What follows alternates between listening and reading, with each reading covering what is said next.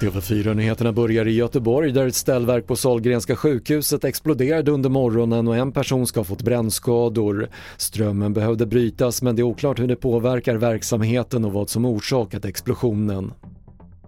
Så till Ryssland där man firar segern i andra världskriget med en stor militärparad och enligt Reuters sa president Vladimir Putin i sitt tal bland annat att militäroperationen i Ukraina var nödvändig och det enda rätta beslutet.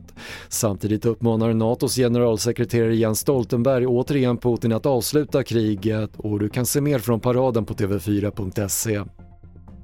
Socialdemokraterna meddelade idag att man nu på söndag ska fatta beslut om hur man ställer sig till ett svenskt NATO-medlemskap. Ett skäl till valet av tidpunkt för beskedet är att Socialdemokraterna i Finland väntas fatta beslut om ett finskt NATO-medlemskap dagen innan.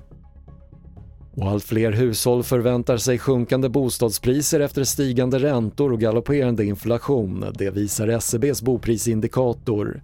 Andelen hushåll som tror att priserna går ner ökade jämfört med förra månaden och även andelen som funderar på att binda sina rörliga lån ökade.